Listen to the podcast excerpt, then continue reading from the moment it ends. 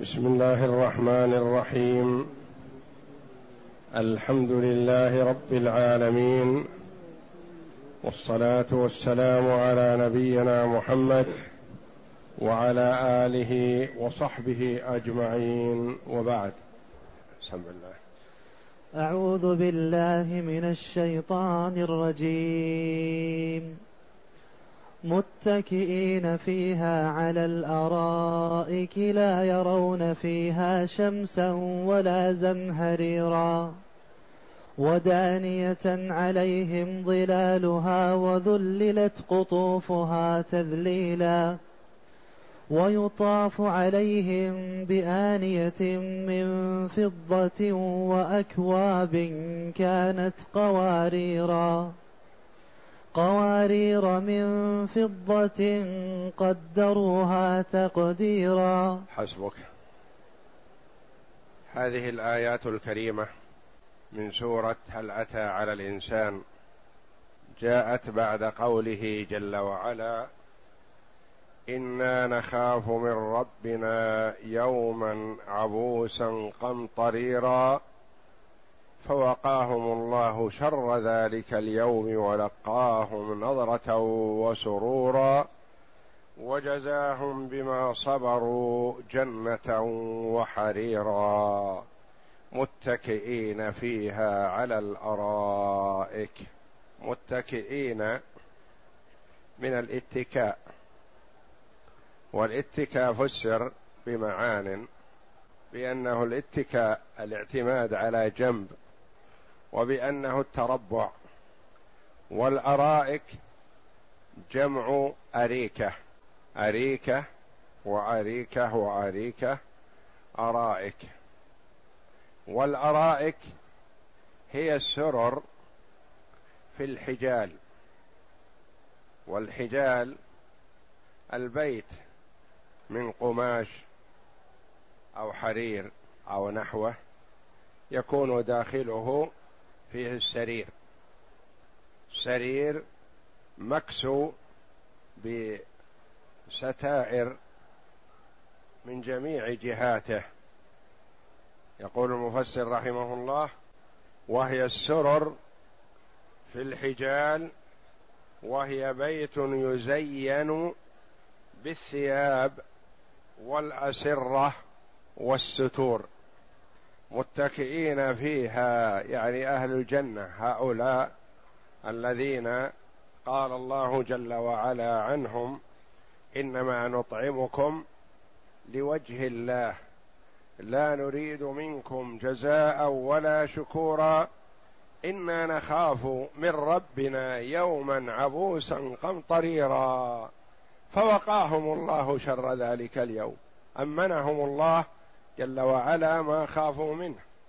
فوقاهم الله شر ذلك اليوم ولقاهم نظرة وسرورا وجزاهم بما صبروا جنة وحريرا. جزاهم بما صبروا جنة وحريرا متكئين فيها. متكئين حال وصاحب الحال هو الضمير. المنصوب المحل نصب في قوله وجزاهم. جزاهم من هم؟ هؤلاء متكئون فيها. متكئين فيها على الأرائك. لا يرون فيها شمسا ولا زمهريرا. لا يأتيهم حر ولا برد. لا يؤذيهم وهج الشمس ولا برودة الجو بل الجو وسط بين الحر والبرد لا حر ولا برد. جاء في الحديث هواء الجنة سج سج لا حر ولا قر لا حر ولا قر لا حر يؤذي ولا برد يؤذي. شبهه بعض العلماء رحمهم الله قال مثل الوقت قبيل طلوع الشمس والنور ساطع لكن لا حر ولا برد لا شمس ولا قمر لا يرون فيها شمسا ولا زمهريرا. زمهرير فسر بالبرودة الشديدة وفسر بالقمر. يعني لا يرون شمس ولا يرون قمر وإنما نور من الله جل وعلا. وقد أخرج البخاري ومسلم وغيرهما عن أبي هريرة رضي الله عنه قال قال رسول الله صلى الله عليه وسلم اشتكت النار إلى ربها فقالت رب أكل بعضي بعضا. فجعل لها نفسين نفسا في الصيف ونفسا في الشتاء. فشدة ما تجدون من البرد من زمهريرها وشدة ما تجدون من الصيف من الحر من سمومها. يعني النار والعياذ بالله فيها الحر الشديد وفيها البرد الشديد.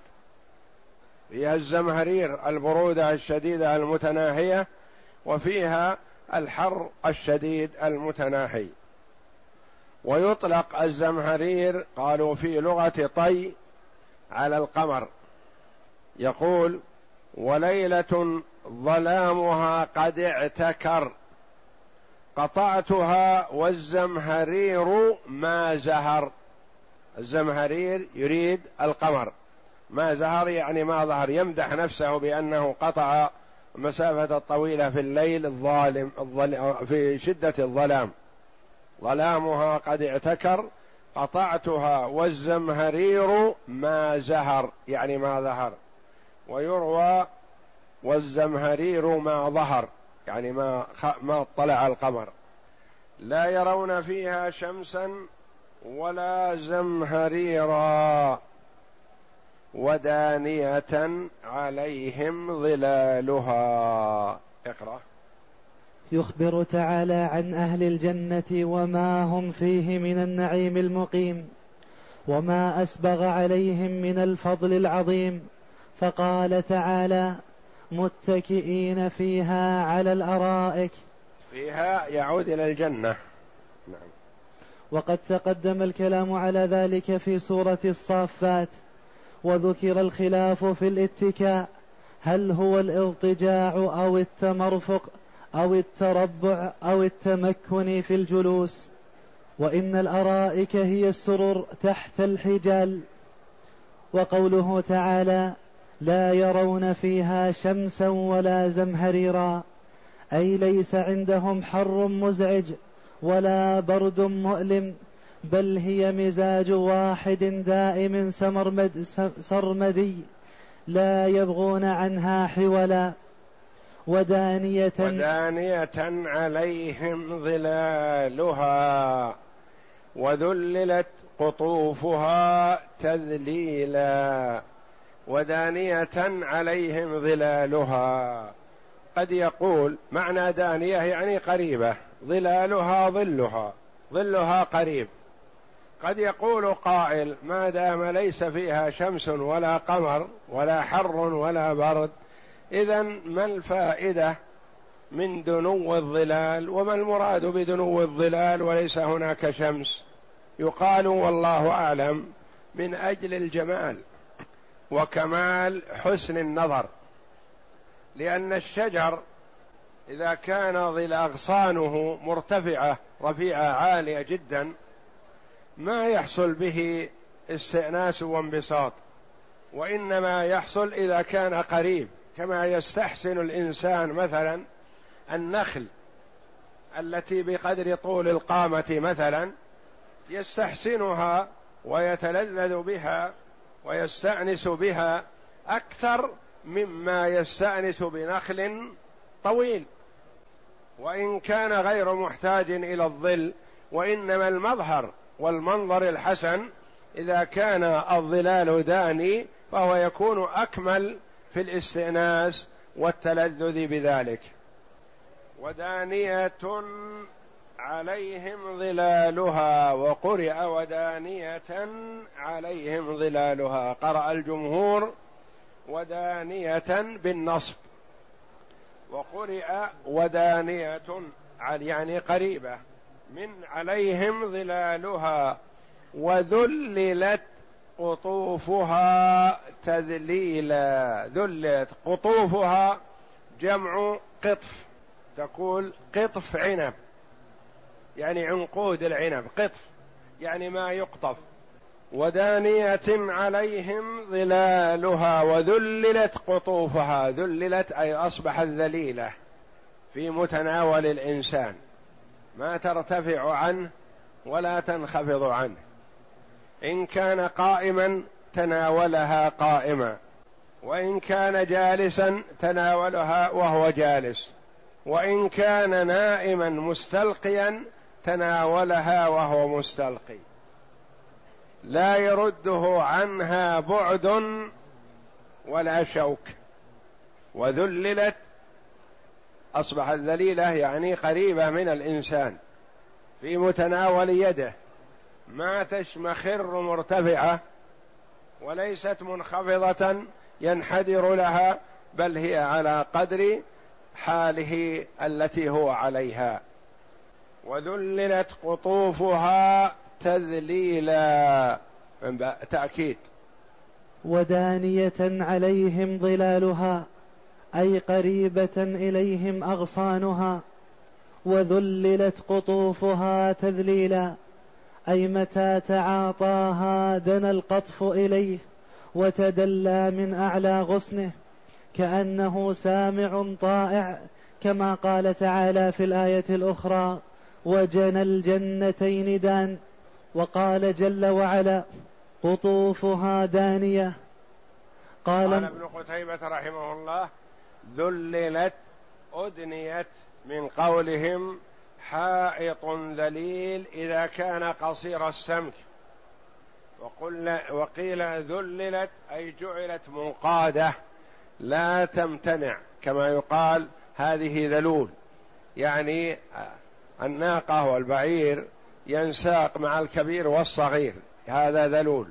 ذللت يعني جعلت منقادة لا تمتنع على من أراد قطفها لا ببعد ولا بشوك. وعن البراء بن عازب رضي الله عنه قال إن أهل الجنة يأكلون من ثمار الجنة قياما وقعودا ومضطجعين وعلى أي حال شاءوا. وذللت قطوفها تذليلا.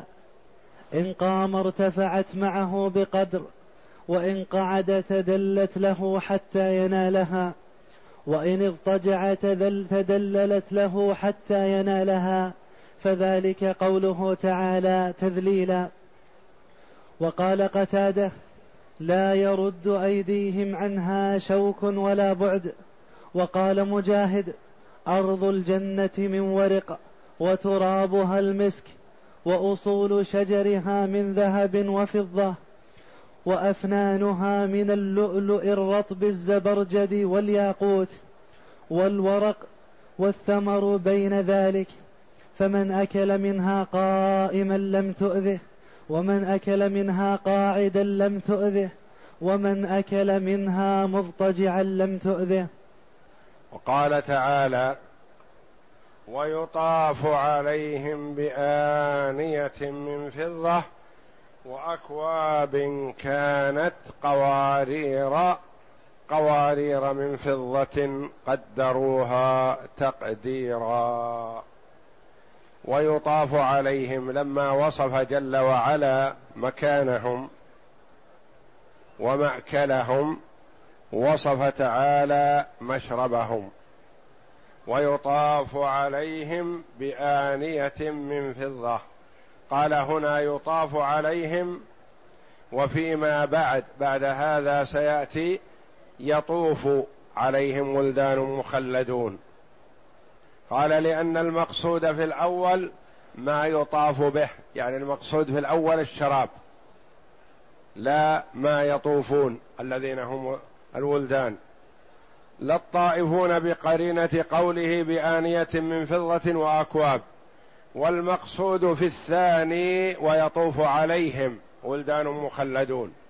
الطائفون فذكر في كل منهما ما يناسبه ويطاف عليهم بآنية الإناء الوعاء.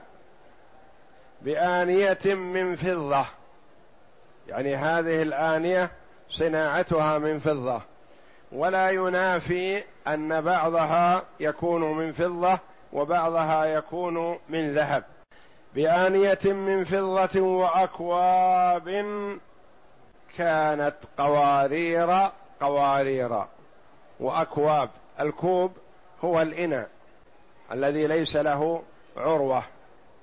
وأكواب كانت قوارير.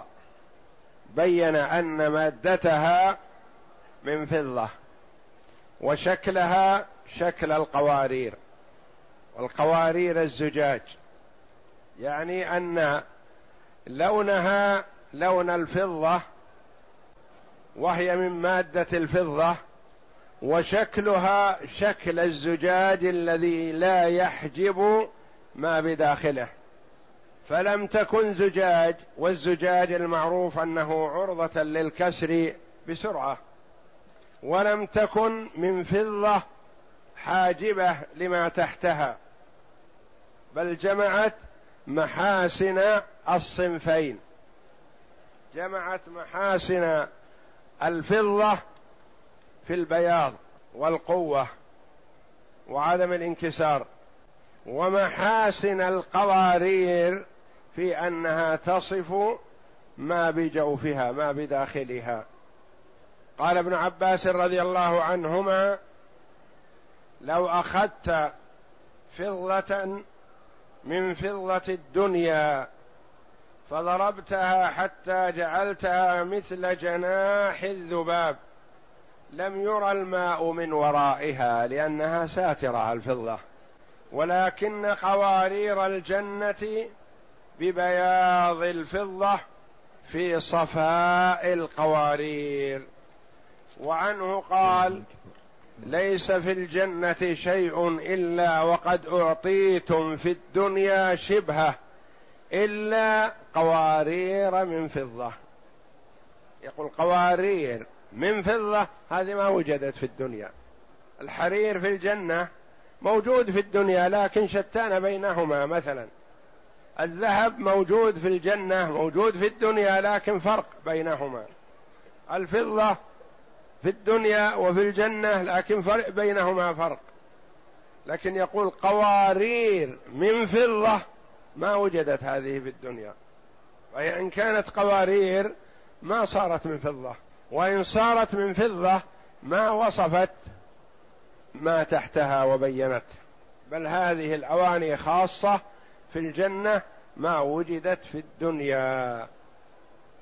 قال بعض المفسرين جعل الله قوارير أهل الجنة من فضة فاجتمع لها بياض الفضة وصفاء القوارير. كما سمعنا عن ابن عباس رضي الله عنهما. كانت قوارير قوارير من فضة قدروها تقديرا. فيها قراءات. قوارير قوارير من فضة. متعددة. قرأ نافع والكسائي وأبو بكر قواريرا بالتنوين. فيهما يعني في الكلمتين. هذه واحدة. كانت قواريرا قواريرا. قواريرا بالتنوين فيهما مع الوصل وبالوقف عليهما بالألف. لأن الوقف ما يصح أن يوقف في التنوين. كانت قواريرا قواريرا من فضة. هذه قراءة. وعند الوقف كانت قواريرا قوارير من فضة.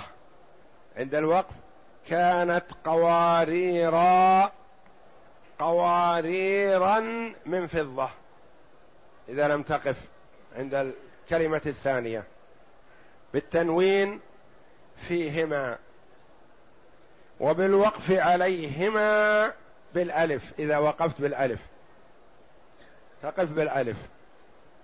كانت قواريرا قواريرا من فضة بالألف.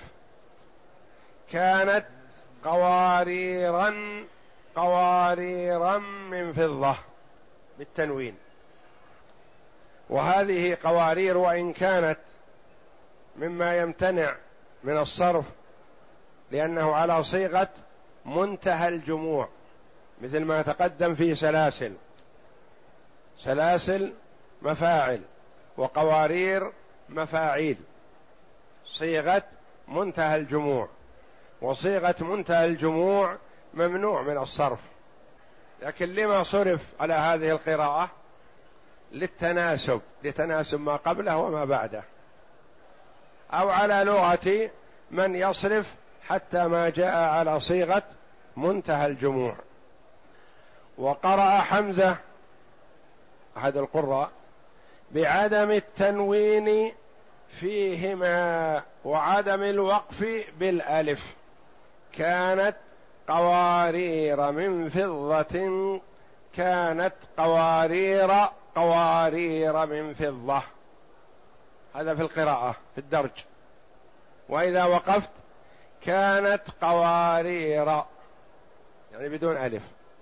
قوارير من فضة. إذا وقفت تقف بدون ألف. يعني هذه مقابلة للقراءة السابقة. القراءة السابقة بالتنوين في الدرج والألف في الوقف. هذه بعدم التنوين وعدم الألف. درجت أو وقفت. وقرأ حمزة بعدم التنوين فيهما وعدم الوقف بالألف. وعدم الصرف هنا لأنها جاءت على صيغة منتهى الجموع. وقرأ هشام بعدم التنوين فيهما مع الوقف و ومع الوقف عليهما بالألف. وقرأ هشام بعدم التنوين فيهما ومع الوقف عليهما بالألف. مع الوقف عليهما بالألف. يعني كانت قوارير من فضة كانت قوارير قوارير من فضة. بالدرج. ومع الوقف بالألف كانت قواريرا قواريرا من فضة. إن وقفت تقف بدون تنوين وإن درجت وإن وقفت تقف على الألف وإن درجت تأتي به بغير تنوين. وقرأ ابن كثير بتنوين الأول دون الثاني والوقف على الأول بالألف دون الثاني. تنوين الأول دون الثاني. كانت قواريرا قوارير من فضة. بالأول تنوين والثاني بدون تنوين. والوقف على الأول بالألف يعني بدل التنوين.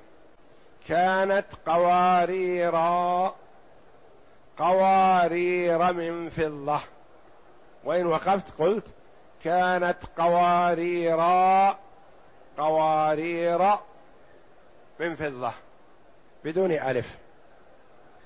وقرأ أبو حفص أبو عمرو وحفص وابن ذكوان بعدم التنوين فيهما والوقف على الأول بالألف دون الثاني.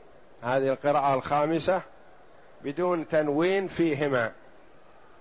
كانت قوارير من فضة كانت قوارير قوارير من فضة. بدون تنوين. والوقف على الأول بالألف دون الثاني. كانت قواريرا قوارير من فضة فالقراءات حينئذ خمس. والجملة في محل جر صفة لأكواب بآنية من فضة وأكواب ما صفتها؟ كانت قوارير قوارير من فضة. قال أبو البقاء رحمه الله وحسن التكرير لما اتصل به من بيان أصلها ولولا التكرير لم يحسن أن يكون الأول رأس آية لشدة اتصال الصفة بالموصوف. حسن التكرير لاتصالها بقوله من فضة كانت قوارير لو كان كانت قوارير ثم انتهت الآية ثم قال بعد هذا من فضة ما كان حسن. لأن قوارير رأس الآية نهايتها ومن فضة أول الآية. وما يصلح أن يكون أن تكون الصفة أول آية والموصوف آخر آية. بل يكون معا. فلما أعاد النوعية حسن اللفظ. كانت قوارير قوارير من فضة. وحسن التكرير لما اتصل به من بيان أصلها من فضة هذا المتصل. ولولا التكرير لم يحسن أن يكون الأول رأس آية لشدة اتصال الصفة بالموصوف لكن وجود التكرير وجعل وجد الرابط بين الصفة والموصوف. قال الزجاج القوارير التي في الدنيا من الرمل. فأعلم الله فضل تلك القوارير أن أصلها من فضة. يعني صافية ويرى ما في جوفها وهي من فضة. يرى وجملة قدروها تقدير صفة لقوارير. يعني هذه القوارير مقدرة. وما المراد بهذا التقدير؟ القراءة الجم... قراءة الجمهور قدروها. والقراءة الأخرى قدروها. مبنية للمجهول بضم القاف وكسر الدال. قدروها. والمراد قدروها تقديرا يعني ما يكون فيها من الشراب على قدر حاجة الإنسان. لا ينقص فيكون له رغبة في الزيادة. ولا يزيد ف تقل قيمته عند الإنسان. لأن الطعام أو الشراب إذا كان على قدر الحاجة تلذذ به الإنسان واستساغه. بخلاف ما إذا كان قليل هذا معلوم لأن نفسه تتعلق به بزياده ما شبع أو ما روي. وبخلاف ما إذا كان كثير زائد يأكل منه ثم يرمى الباقي. فتقل قيمة المأكول عنده من أجل بقاء الفضلة هذه وعدم قيمتها. فإذا كان الشراب على قدر الحاجة أو الأكل على قدر الحاجة يكون ألذ للإنسان وتكون نفسه مرتاحة له وتطلبه مرات. بخلاف ما إذا كان قليل فلا يكون نفسه ما طابت منه. أو كان كثير ربما مله ومجه. فهو بهذه الأكواب على قدر حاجته من الشراب. قرأ الجمهور قدروها بفتح القاف على البناء للفاعل أي قدروا قدرها السقاة من الخدم الذين يطوفون عليهم على قدر ما يحتاج إليه الشاربون من أهل الجنة من دون زيادة ولا نقصان. وذلك ألذ الشراب لكونه على مقدار الحاجة. لا يفضل منه ولا يعجز يعني يقصر. قال مجاهد وغيره أتوا به على قدر ريهم على قدر ريهم يعني ما يرويهم بدون زيادة. مجاهد رحمه الله إمام المفسرين في مكة في عصر التابعين رحمه الله وهو قد أخذ التفسير عن ابن عباس رضي الله عنهما. قال مجاهد وغيره أتوا به على قدر ريهم يعني الذي يرويهم. أي شهوتهم بغير زيادة ولا نقصان. إذ لا عطش في الجنة هو يشرب يتلذذ بالشرب لكن هل هو عطشان؟ لا. ويأكل ويتلذذ بالأكل وهل هو جائع؟ لا. ما يجوع ولا يعطش لكن إذا قدم بين يديه الطعام أكل بشهية. قال الكلبي وذلك ألذ وأشهى أن يكون على قدر الحاجة. وقيل قدرها الملائكة. وقيل قدرها أهل الجنة. أي الشاربون على مقدار شهوتهم وحاجتهم. فجاءت كما يريدون في الشكل لا تزيد ولا تنقص. وقرئ قدروها بضم القاف وكسر الدال مبنيا للمفعول. أي جعلت لهم على قدر إرادتهم. قدروها تقديرا يعني على قدر حاجتهم وقدر ما يريدونه. والقراءات فيها اثنتان قدروها تقديرا على البناء للفاعل أو قدروها على البناء للمفعول يعني لنائب الفاعل. ويطاف عليهم بآنية من فضة وأكواب أي يطوف عليهم الخدم بأواني الطعام وهي من فضة هؤلاء كأنهم لؤلؤ منثور كما سيأتي.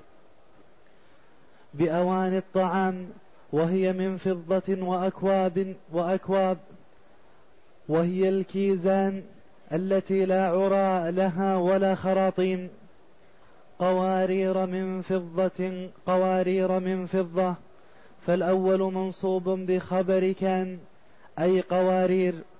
والثاني منصوب إما على البداية أو التمييز لأنه بينه لأنه بينه بقوله تعالى قوارير من فضة. قال ابن عباس ومجاهد والحسن البصري وغير واحد بياض الفضة في صفاء الزجاج.